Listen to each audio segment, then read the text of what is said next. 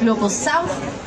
Um, my, I have uh, two guests with me. I'm going to moderate this debate.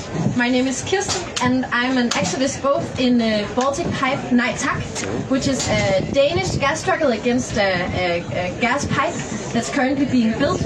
Um, I'm also part of Global Action, which is a, a political solidarity organization, which is part of organizing this event. But the two main speakers uh, today uh, is um, uh, Esteban, uh, who is from Argentina, who is a co-founder of uh, EcoLeaks, which published and published uh, restricted documents regarding fracking, which meant that you had to leave your country and is now living in Germany. Um, you're going to talk much more about that. And uh, Luisa, you also live in Germany, and you're part of Ende Gelände and also organize around gas and the district. But I think we should just get started. And um, yeah, I think I would like to hear from you, Esteban, a bit about your personal history with us, and what are key moments in your life when you chose to work with gas. Yes, thank you. Great to be here. Thank you for inviting us. Thanks to Global Action and Mats for all the work of bringing us here. Um, I think this is a historic moment to talk about the subject because gas is now in everyone's mouth, everyone's minds, and it's being sold as the transition fuel of the future when it couldn't be anything farther from that. And my personal personal story is one example of the many people that are suffering the consequences of what gas really does to people and the planet and that's why it's so important for me to be able to share this with you here now. Uh, I come from Argentina, I'm a scientist. I moved to the countryside to build an eco project in the west side of Argentina and it just so happened that this was part of the world's second largest shale gas basin in the world, which is called Vaca Muerta. It's about the size of Denmark, huge. And it's also the fourth largest shale oil basin in the world. And uh, it's home to the indigenous people of the Mapuche. And it's, it's being fracked. Shale means unconventional oil and gas. And in order to get that out, you need to use fracking. For who, whoever doesn't know fracking, you don't have it in Denmark for good reasons because you stopped it many years ago. Same is true for most of Western Europe, yet it's your very companies from Europe that are leading the way in destroying our homelands in the global south to drill for more gas and also oil, but gas is a relevant topic right now, that's why it's so important to bring this up. So um, I was an activist, but I was in the new frontier of fracking in Vaca Muerta in a province that had not yet been affected by that. And when that came, we had to take some action. So we were able to find a, a secret study. There was an environmental impact study that the government was hiding because the first few wells of fracking were already shown to be contaminating the water tables of the province of Men the name of the province is Mendoza. And uh, a whistleblower from within the government uh, leaked this to us. And we thought, well, I was always inspired by WikiLeaks. So we thought to create EcoLeaks in a very low-tech fashion uh, because we just needed a platform to leak that material. And when we leaked that, it really led to building a mass movement against fracking. Mendoza has a very unique history that I'm not going to go in for the sake of time, uh, but people defend the water because it's a des- desert area. And so it was really very powerful. We built a mass movement with tens of thousands of people, but also led to a lot of persecution and death threats. That's what happens in the global south when you resist against all of this. So what is happening is that Europe is exporting, it's outsourcing its emissions to the rest of the world, it's outsourcing fracking to the rest of the world to continue exploiting for gas, oil, minerals. Colonialism continues to this day. But the reason I'm here is not just to complain. It's also that this is all a, a major part of the climate crisis. Fracking is a leading cause of methane emissions that I will explain a little later. But it's not just for our survival of the peoples in the global south that is important for the Danish to take action against Total and against so many other companies and against the LNG and the gas that is coming because gas is not a clean fuel. Gas is worse than coal. I will explain more later about these things. But just buying this narrative that gas is clean will seal the fate of humanity. This is Gas is the last fossil fuel frontier, the last fossil fuel battleground, where the media and the, all the multinational companies have put so much money into making you believe that it's a clean fuel when it's the total opposite. So I will, I'll talk more about that later. Thank you. And uh, Louisa, I would love to hear more about, because you're also in the struggle against gas, like uh, tell more about you and Ende Gelände, um, what's your work concerning, and why did you choose to work with gas in the first place? Sure. So, to be honest, I was one of the people who had absolutely no idea about gas and the consequences of it, and it happened that I was uh, organized with Ende Gelände. I don't, does anyone know here Ende Gelände? Some? Ende is like one, uh, a German movement that, uh, that started, maybe I give a little bit of context, then it makes more sense uh, to tell the story basically. Ende Gelände was uh, founded in 2015 and was in Germany and was one of the uh, leading anti-coal movements of Germany, um, which introduced civil disobedience movement uh, in Germany at least, and had a, a big influence on movements uh, across Europe. Um, and they were very influential uh, on politics as well uh, to make coal a problem. Um, I think, the biggest uh, coal mine, uh, open pit mine, coal mine in in Europe, which is the, the biggest um, CO2 emitter in Europe. Um, and so they, they basically they, they organized to go into mines like with I think at the peak mine were like 7,000 people all together going into the mines to stop the diggers for a couple of hours, couple of days at least. And then there was this, um, if you want to call it a historic moment, where governments decided to end coal by 2038, which is like a huge failure because it's way, it's way too late. Um, but it was very clear that coal, at least on a discursive level, was dead. Like everybody was, everybody knows now, and everybody knew back then also that coal is really bad. Coal is really bad for the environment. Coal is destroying environments and so on.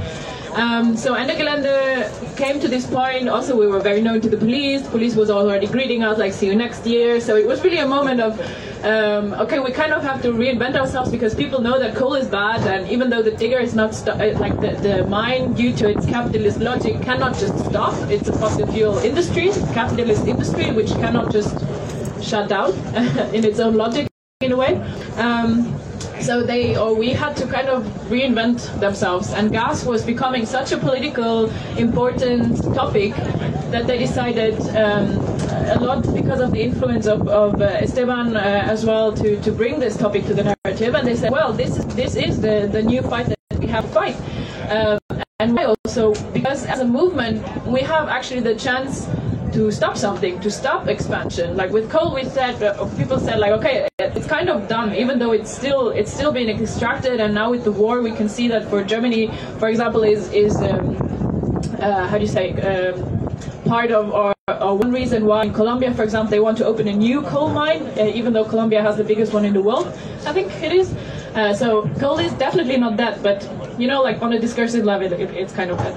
Um, so yeah, and England decided, okay, let's try gas. And in the first the first year they did it, I think it was three years ago. Uh, it was the first year of, of the pandemic, um, and it was it was really a disaster. Like people were chilling on the pipes uh, and in the pipes, and then police evicted them. And it was really like it was not this Gelände feeling of going into the into the mines and being really radical and putting your body into in front of these huge diggers. Um, and so this is something that, that led to a little bit of um, a frustration in a way because it was the activists didn't have the feeling anymore that they had the power to stop something.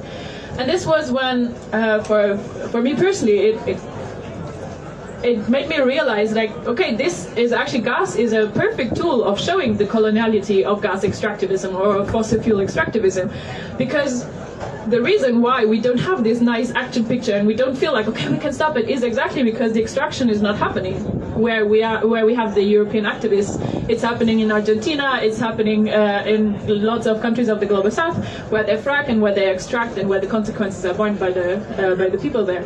Um, and this also this this confronts us with a lot of uh, difficulties because you have to get this into people's minds. You, conf- you are confronted, even within your own movement, you are confronted with a very deep Eurocentrism. Like, uh, okay, so why why should we care about this? Why should we care about the international perspective? And why why is it exactly that we have to organize on the international level for that?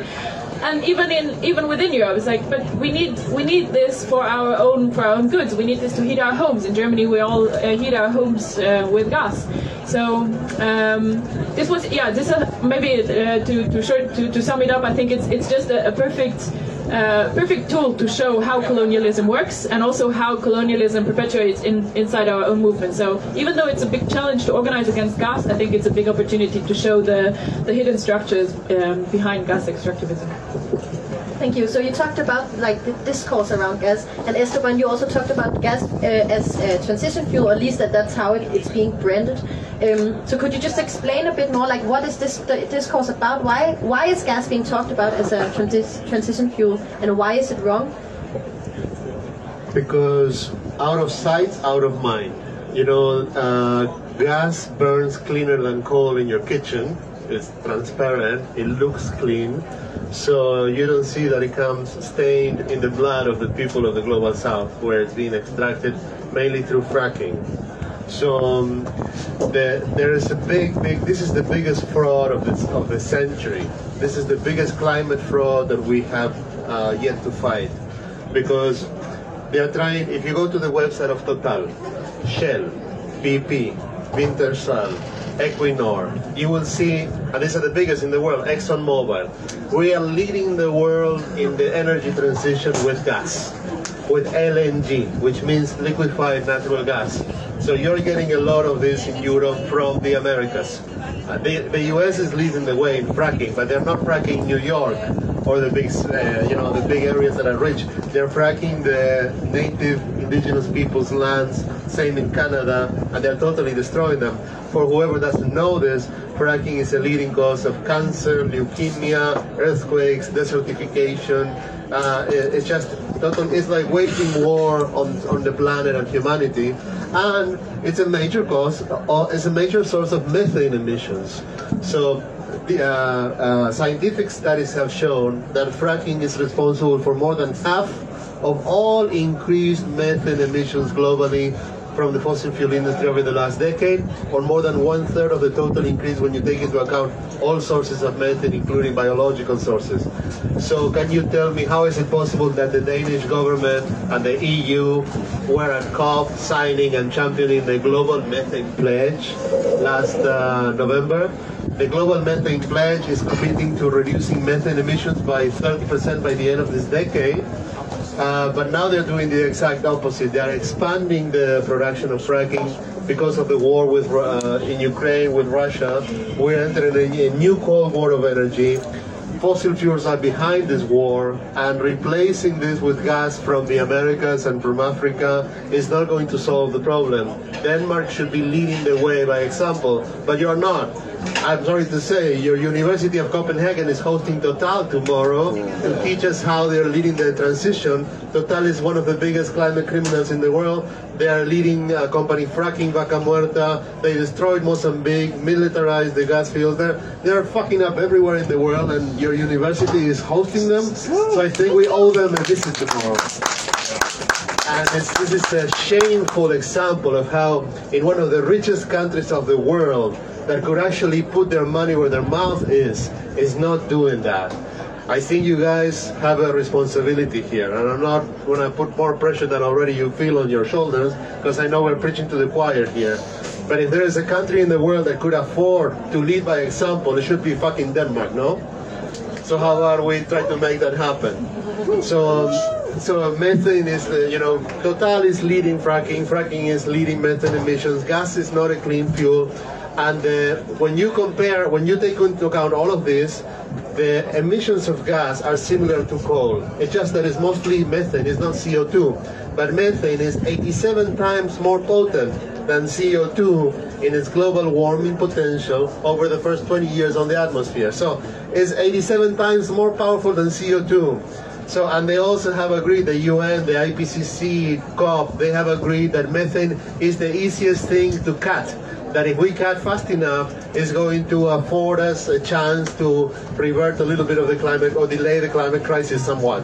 But they're not doing that. They're, they're doing the exact opposite. They're financing, subsidizing for Total and all the other companies to drill for more gas all over the world and it's something that we just cannot uh, allow to continue if you guys also want to have a future here in, in Europe. Yeah, and I mean Denmark is doing more than just funding and hosting uh, Total. We are also expanding our own fossil fuel and building fossil fuel, uh, um, fossil gas infrastructure as we speak. Baltic Pipe is a fossil uh, gas uh, pipe, and it's going to be standing finished after uh, the, the new year. Um, so, Louisa, I, I would like to go back to some of what you said about how gas ties into colonialism. Um, could you just further explain, like, why is gas also a colonial struggle? Yeah, sure. I think that was a little bit what I was trying to explain. That exactly like the that the profits of the gas extractivism um, come to the centers of power of capitalist of capitalist power of the global north to Europe to uh, to companies from from the global from the global north, and the costs are being borne by um, by indigenous people, by black people, by uh, people of color in countries of the global south uh, and global north. I mean, we have also the global south in the global north uh, in in a way. So this is just a um, this is just a, a tool basically also to keep to keep people uh, to keep people in poverty, to destroy their livelihoods, and they have to go into forced labor. Sometimes they have to, um, yeah, just it's just a, a way of colonialization that is con- continuing that has been going on for, for decades with oil, with coal, and they are now then transitioning uh, transitioning to gas slavery, if, uh, if you want that in, in a way. But I think the, the essence of it is just that the profits are being borne uh, by the by rich countries and rich people, and the, uh, to the deficit of the people in the global south. Uh, yeah, and I think that there's a lot to do with also being very much in a bubble. Like people in Germany are in a bubble. I hear in Denmark is similar. It's really hard to see something that is happening so far away from you. So, but all the consumption that is happening here is coming from the exploitation in the people of the global south. And I think unless we can come together internationally, globally, and find a way to connect the dots, there's no way out because otherwise you will end up fighting bubble fights of Denmark that are really a joke compared to the struggles of the people that are dying so that you could have your gas and your oil and your luxuries here in Germany or in Denmark or in Europe. Can I can I add to that because I think it's really that's really important to come together on, a, on an international level, especially with gas. To give you an example, Germany, for example, we, we went from having zero liquefied natural gas terminals to now, uh, since the war has started, the war uh, against Ukraine has started, we are discussing 12 natural, uh, new natural liquefied natural gas terminals, which for a lot of people in the US, uh, for example, in the US from indigenous territories, is really, really bad news. When they hear is like when they when they hear this, it's like, okay, very, very difficult times are, are ahead of us. Uh, because Germany is one of the biggest uh, importers also uh, of gas and of fracked gas. Um, and I think the reason why this is so important is also for the movements, especially also for leftist movements. Uh, in a lot of cases, we are we are always a step behind. We're always criticizing. We're always like, we want we want this to, to stop. We want this to be reversed. We want this. We want something else. But with with gas and with LNG terminals, for example, we really have the chance to be a step ahead. We can prevent something from happening. Uh, we can actually say like we don't want these terminals, we don't want any fossil fuels, we need to get out and not just to get into renewable energies, but really restructure our, our entire uh, energy production system to become decentralized, to become a de- uh, to become a self-determined energy transition, not just to shift into renewable energies because they come also with a lot of uh, a lot of problem, ecological and social problems, but really to restructure our, our energy production. I think if we if we if we go if we do it with gas, we can actually be a, um, a step ahead of that. Yeah, I agree. It's a, it feels like a really hard time to be like a, a, a, gas activist, especially with the war in Ukraine. And I feel like there's a major shift in narrative around gas with this war. And you touched about it, like uh, touched upon it briefly, but I think we should go into more further. Like, what consequences did, does this war have on the on the gas industry and on the gas market, and how we talk about gas, and, and the impact it will have on the future? Yeah, well, uh, I know we're all really exhausted, no? Anyone not exhausted from activism the last few years? Raise your hand. Like, there's no one. No, we're all fucked. Like, really tired, demoralized, depressed, plenty of actions that don't have any impact, plenty of actions that are not coordinated and have no strategy at all. Of course, you're going to have no impact. So it's time to get serious and come together and actually start coordinating things together. And maybe the Global South can help, guys. Because not only do we have the most urgent survival struggles, they're killing us, but also they're killing us for you the companies from here and the extraction is coming here. So it's just just fucking connect the dots. And you know when you talk to people in the global south you're not gonna feel depressed. They're gonna inspire you because like my story is a tiny little bit but you have so many people doing so much more that are at the front lines. And when you listen to them how could you afford to feel burnout you know, in the global south, we don't even have that idea of burnout. What the fuck is that? We are fighting for survival. So um, I think the global south can also help unite Europe because here people are so easily divided over little identity politics and because I don't like Morten because of his sunglasses or you because you're blonde, like stupid shit. Like when you're fighting for survival, you don't have time for that. And we have been doing this with you, with many of you the last few years. We built a global coalition called Shale Must Fall the inspiration came actually from Denmark. A couple of years ago, we started the campaign Total Must Fall out of the Mark Activist something uh, school. school. Yeah, that you guys invited me to, and then you wanted, we were planning an action against Total, and then that went global, and then we built the global anti-gas and fracking coalition. And when you listen to the testimonials of the people, like in Colombia, every other day one activist is being murdered because they're fighting fracking or some other uh, way to defend nature. So you know, these are very, very strong stories, very powerful stories from Namibia, where the Okavango, they want to frack the fucking Okavango Basin. It's, a, it's one of the last reserves of life in, in Africa and in the world for wildlife and water source for millions of people, and they're going to frack that. So what we are facing is the multinationals and the fossil fuel industry that owns your governments, because I don't care whatever the fuck you say about Danish government, it's full of shit. And the same is Norway and so on, and like Norway is not a country. Norway is a fossil fuel company that has a country. and that company is Equinor. Yeah. Equinor is the leading company fracking Argentina. What the fuck are they talking about with their green transition? So we need to get serious and we need you because you have the power that we don't have. We do big actions, but they go invisible. The media don't cover us. They don't want to talk, oh, we get repressed or we go to jail or we go to exile or worse, tortured or killed. But here you don't. You can go to jail and get arrested and come out. Last year I was there with you. We occupied the headquarters of Total in uh, Copenhagen, right? The Scandinavian headquarters, we confronted their fucking executives. They didn't have any answers to our questions. And we were arrested for a few hours and we went home. We may have a trial coming up, but it's okay. Um, so if we could do that, so can you. And the power of it is in doing it together. Because if we, you do an action today, we do an action tomorrow, and there's actions all year long, everywhere, they have no coordination, no strategy. And a very wise Chinese man from 2,000 years ago said, uh, a strategy without tactics is the slowest path to victory, but tactics without strategy is the fastest way to defeat. And what we have is plenty of tactics. Everyone's talking tactics, but no one's talking strategy really. Like really, like come together. Okay, who, who is dying for this? Let, let's come together, talk to the Colombian. Like few groups even have calls that allow for bilingual uh, translation so that people from the global south could be in the calls at the same level with the Europeans. So I'm just throwing all of this at you because I think we need some radical changes in Europe as well. The biggest problem of Europe and of the world is Eurocentrism you have ruled the world for the last 500 years, so it's naturally ingrained in people here that the solutions will only come from Europe. But I have sad news for you. Only the problems have come from Europe. So maybe the indigenous people of the global south, the people that are fighting for survival, they have a lot of great ideas, and maybe we join forces together with a little bit of humility from your side and put your power at our disposal, and we put our cause to give you the moral high ground, then we can really tackle Total and your government and anything we want to. Let's give a hand.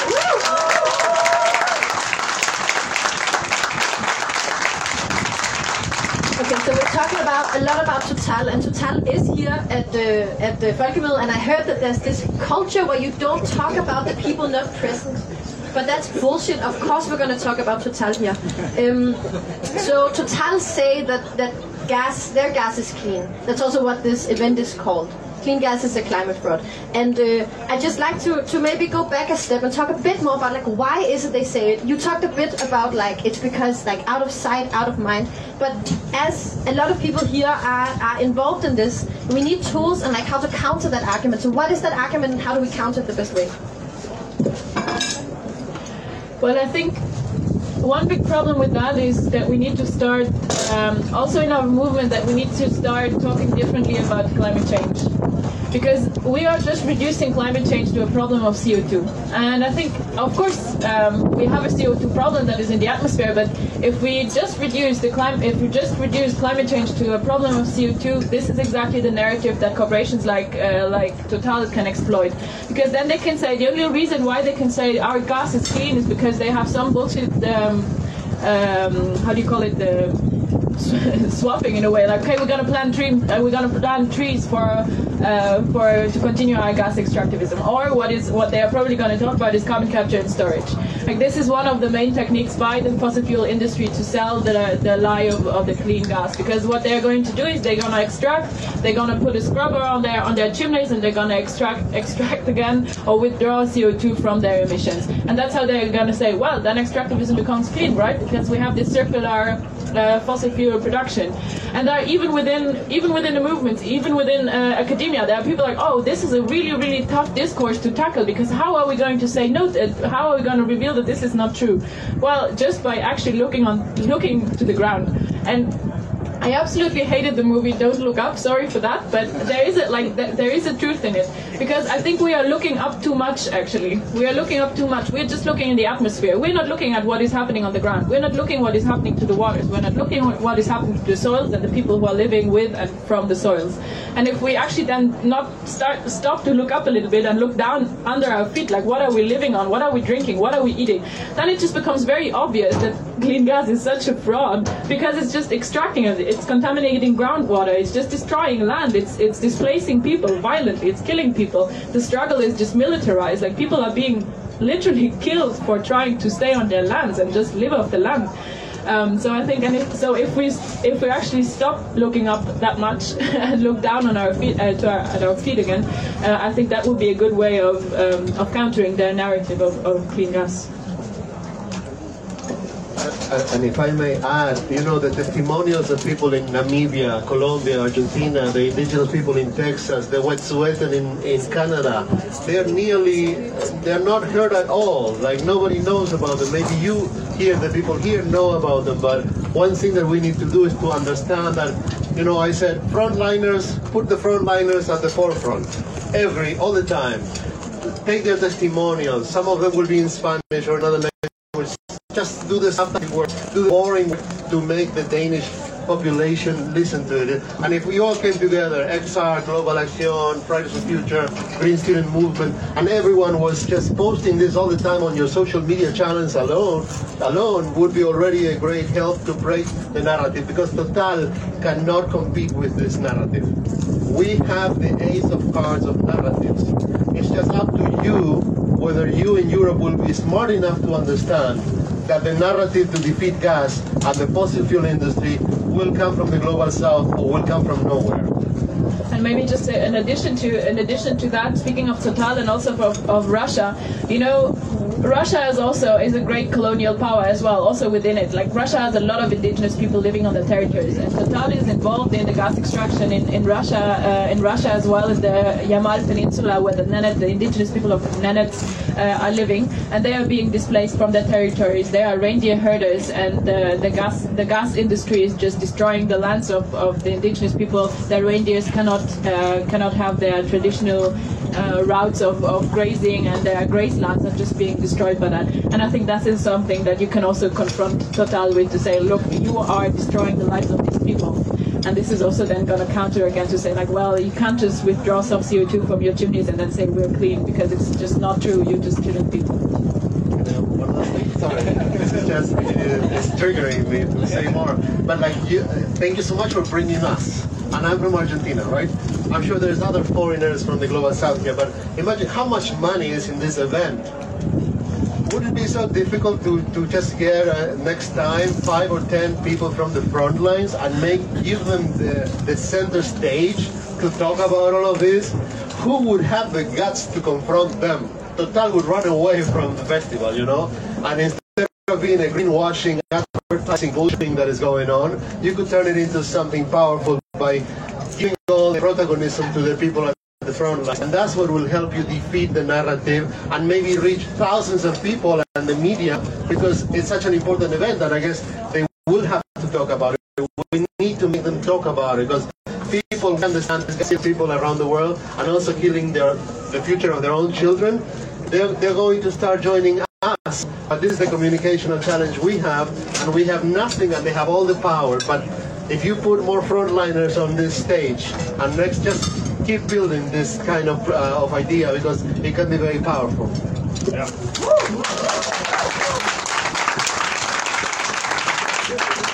We're also going to open up for questions in just a bit, so you can start thinking about if you have something you would like to know, or are we even taking the debate in the right direction?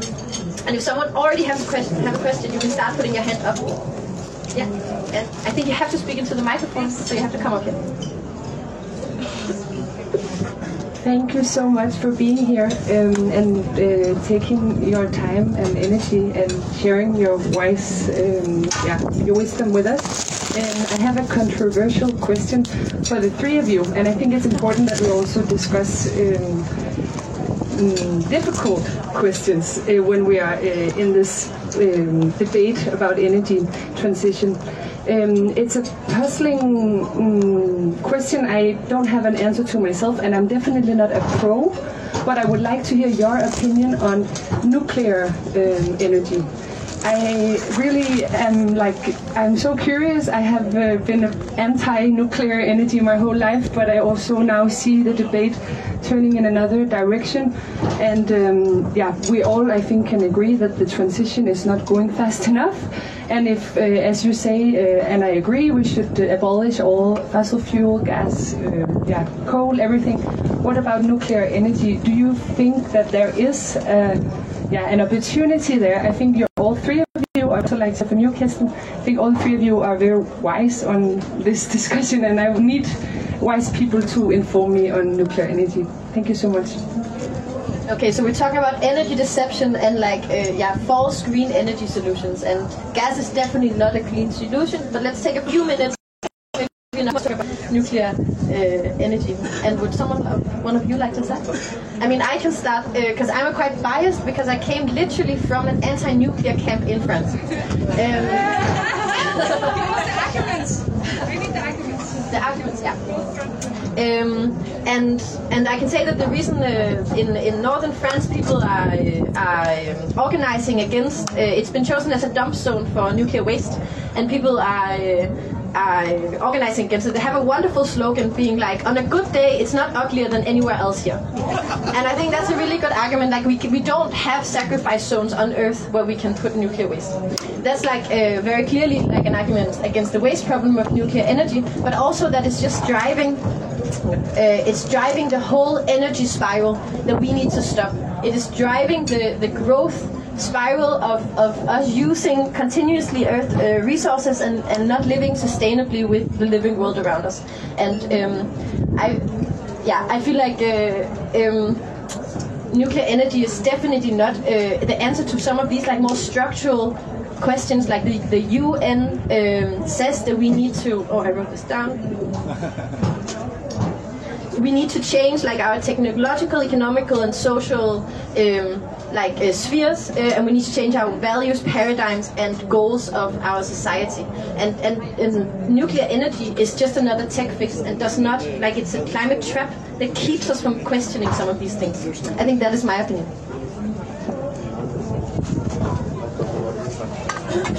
Sure.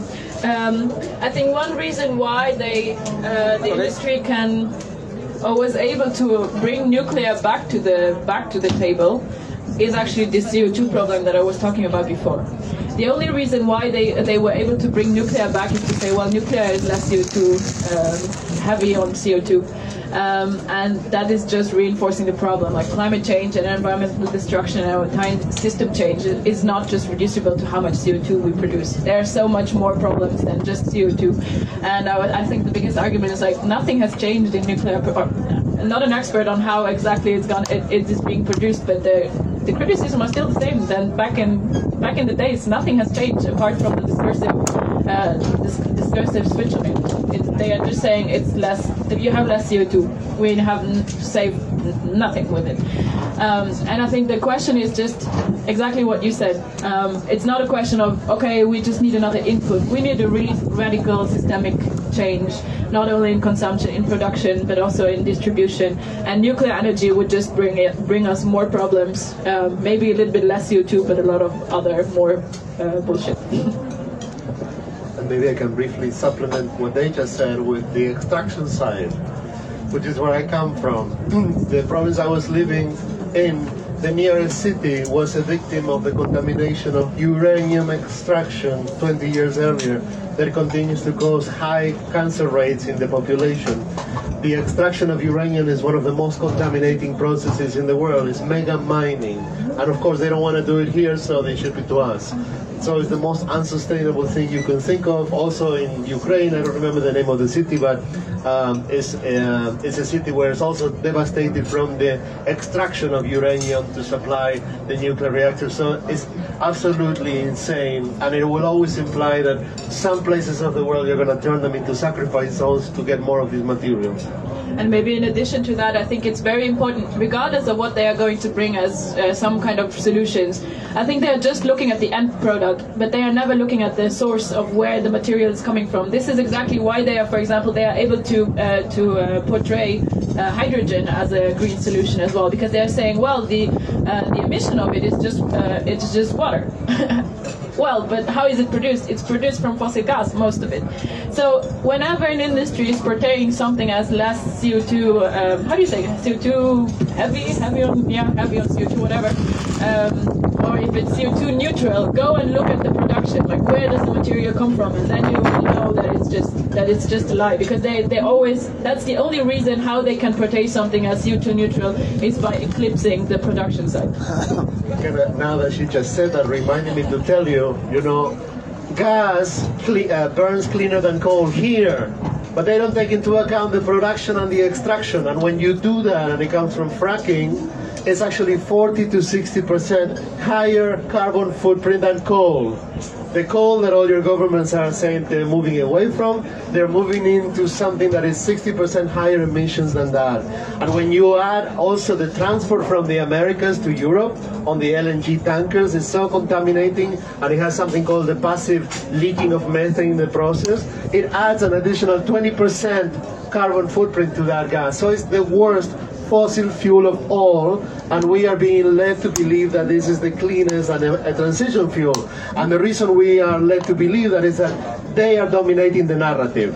Your government and all of these institutions, the, the Copenhagen University, they are co-opted by the fossil fuel industry. So the narratives that we are discussing are that the agenda are being set by the fossil fuel industry, and we need to find ways to set our own agenda and build enough power to challenge that narrative in a meaningful way. Yeah, give that a hand.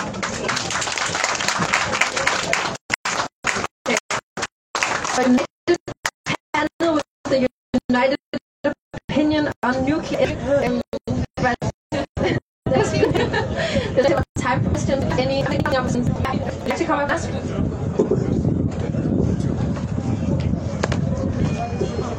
So, uh, thank you for a lot of nice new information. That's great. Um, I was wondering, uh, since you come from Ende Gelände and you have this event in the beginning of August, I don't know if you participate in that in some way, but you had some considerations about it that, that there, there's a lot of problems in the global south because we still have colonialism and stuff like that. So just wondering which considerations is then put into this Ende Gelände event uh, here uh, in the beginning of August because I was really keen of going, but I understand that that you should be thoughtful about uh, why you do it. Okay. Of course, you should all come to Ende Gelände.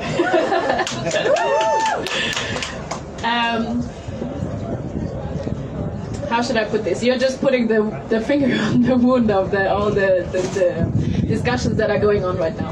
Um, we are a white dominated movement, Eurocentric, German centric movement as well, that is considering uh, other European uh, countries as their comrades and others as their guests.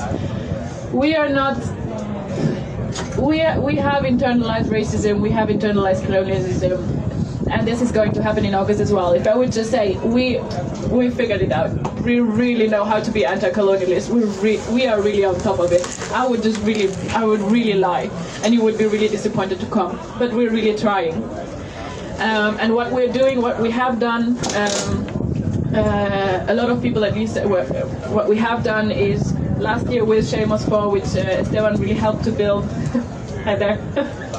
um, uh, which is this coalition of um, bringing together people globally by by connecting the dots of the extractivism, by visibilizing the strike, the, the, the struggles that are going on on the territories where the extraction is happening. Um, this is something that we have that we that we have done or that we have tried at least to really visibilize it, to, to exchange with people, to connect to the people, to talk to them, uh, to invite them as well to come. We had a, a delegation of uh, three uh, indigenous uh, Texas indigenous people last year that came with us into the blockade uh, in a in a way that they were safe because we we blocked the I don't know if you saw that that we blocked the busiest canal in the world, which is actually in Germany, uh, and they were part of this action with a legal demonstration on the side where they could participate in the blockade without being um, in danger for it. Um, this is something that we are trying to do this year again to also organize it internationally to have organ to have um, international days of action. But for that we also put a lot of energy uh, or several groups within Ende uh, put a lot of energy into organizing um, events where people could learn from other struggles. We have a, an event series, you can all look it up, it's called Roots of Resistance, Learning from Frontline Struggles. It's online on YouTube, whenever our social media group is able to find the time to upload them. but you should be able to find them, at least our first, uh, the first event, uh, where we come together with people from around the world, from Mozambique actually, from, uh, from Mexico, from Chile, to talk about their fights and see what we can learn from them. And this is something that I hope uh, will be there in um, in August as well. But roots of resistance, learning from frontline struggles. Um, but yeah, I think we're just really at the beginning of a learning and an unlearning process. Um, and I hope that in August we will make a first step into the right direction. We'll see how it goes.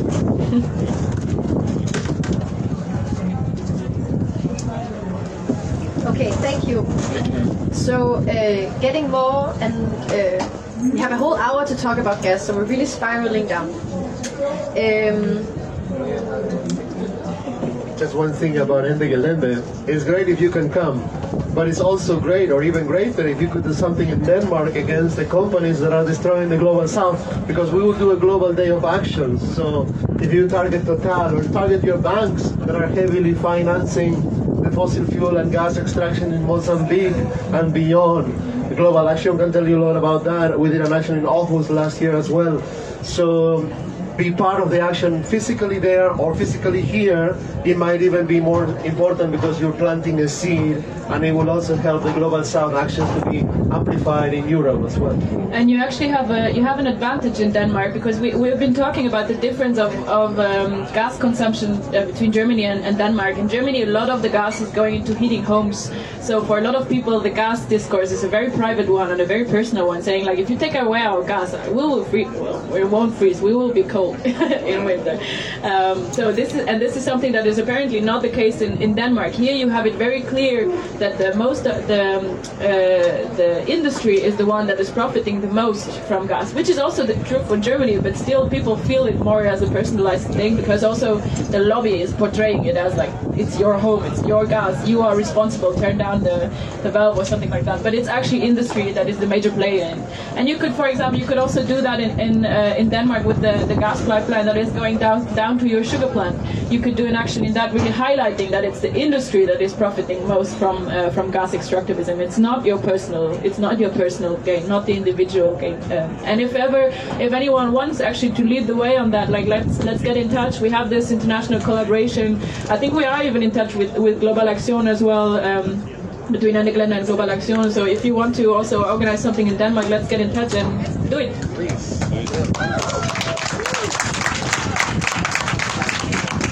I was just thinking about these sugar pipes as well, like uh, that uh, part of uh, the plan of expanding the Baltic pipe uh, is to, to connect the sugar pipes with fossil gas. And I feel like it's very confusing. Like Denmark is, is very uh, all over on the gas struggle, like at, at this uh, the gas problem. At the same time as we're um, building more and more gas infrastructure, we're also signing like a pledge together with what country? That that that uh, gas is not green and like we shouldn't use it anymore and and going out and saying that that gas is not a, a fuel for the future. So i just like your like um, opinion on the future you know? Is gas on the way down? Is gas on the way up? Like uh, where do you think we're heading? Well, we are heading really fast in the wrong. Gas is the way up by a lot. So you need to know that the U.S. is the leading exporter of LNG in the world. They used to be the, one of the biggest importers. All of this is because of fracking. The so-called shale revolution in the last 10 to 15 years has led to the U.S. being able to export so much gas. And actually, Trump put it into words. He said, We are going for American energy dominance of the world. He actually called it, you know, like this is the imperialist energy strategy of the US. And what is happening with the proxy war in Ukraine is that they're using this to further expand this fossil fuel war and this fossil fuel cold war where uh, the US really wants to make Europe dependent on its LNG. Europe is not a small player. Europe is the biggest market for gas in the world. So the fact that Europe is playing so easily when the time for Europe to actually ensure peace for itself and unity is not to fall for another empire, but to actually put all the money into renewables quickly enough to be energy independent in a just and in a, in a just transition, not with more colonialism of extracting more and more from us. Of course, it would take time, but the will to do it is not there because they are still co-opted by the fossil fuel industry, and these governments are just typing what they tell them. The lobby tell them what to do. They they give them the law already written, and they just approve it and pass it through the media. So it's going in the wrong direction in a bad way. The unconventional reserves of oil and gas in the world are vastly superior to the conventional ones. The reason we never reached the peak oil market in the world is because fracking was developed save the fuel industry from extinction and turn, us to extinction. So uh, they're continuously discovering more and